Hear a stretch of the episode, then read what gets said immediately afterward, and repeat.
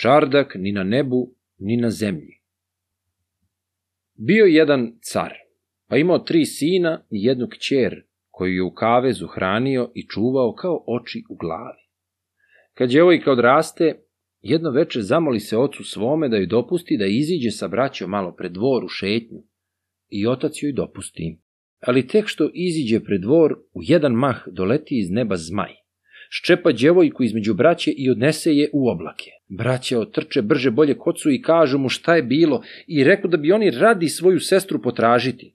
Otac im dopusti da idu, da je traže i da im svakome po konja i ostalo što treba za put i tako oni otidu.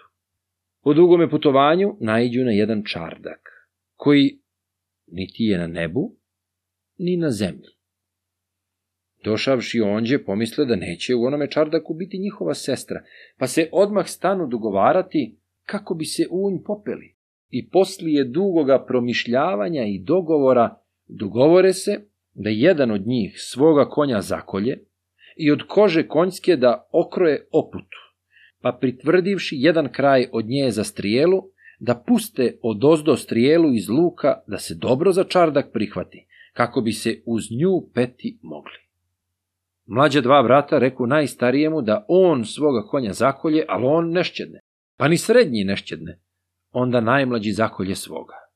Od kože njegove okroji oputu, jedan kraj od nje veže za strijelu, pak je pusti iz luka u čardak.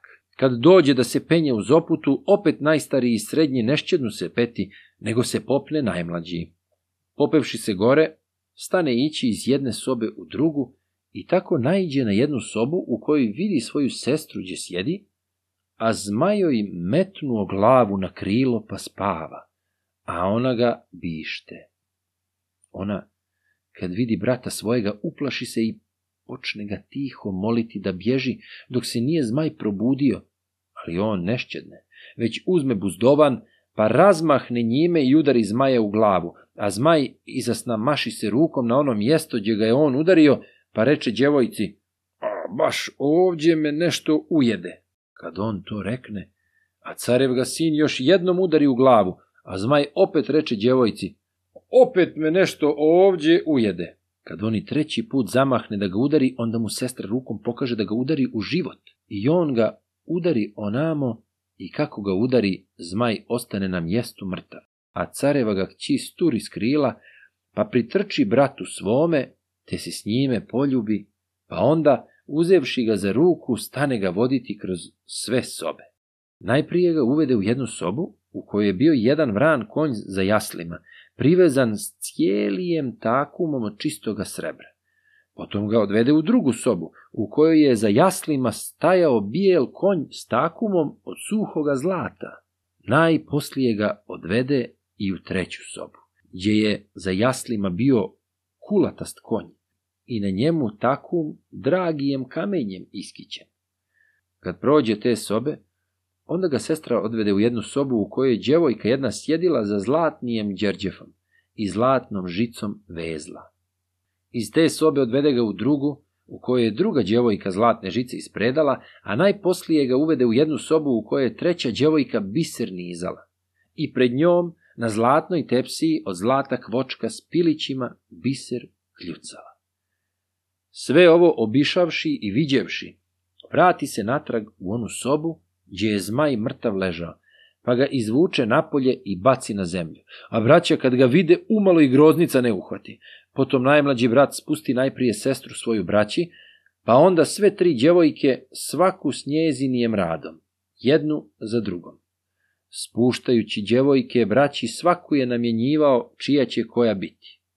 A kad spusti treću, i to onu s kvočkom i pilićima, on nju za sebe namijeni. Braća njegova zavideći mu što je on bio junak, te je sestru našao i izbavio, presijeku oputu, da on ne bi mogao sići, pa onda nađu u polju jedno čobanče kod ovaca i preobuku ga i mjesto brata svoga ocu povedu.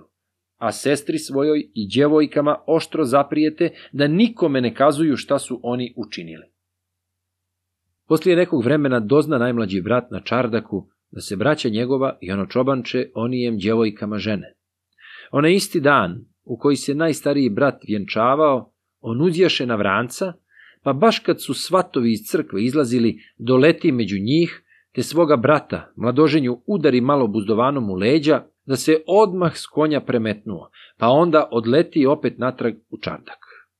Kad dozna da mu se srednji brat ženi, a on u ono isto vrijeme, kad su svatovi iz crkve išli, doleti na džogatu, te i srednjega brata onako udari da se odmah s konja premetnuo, pa između svatova opet odlete. Na pošljetku, doznavši da se čobanče njegovom djevojkom ženi, uzjaše na kulaša i odleti u svatove baš kad su iz crkve izlazili, te mladoženju buzdovanom udari u glavu da je na mjestu mrtav pao.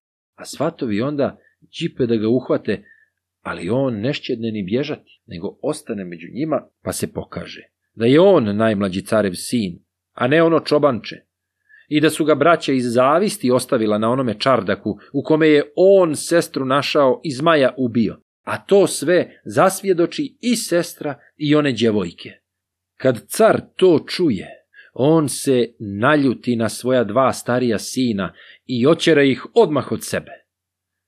A njega oženi djevojkom koju je sebi izabrao i ostavi ga nakon sebe da caruje.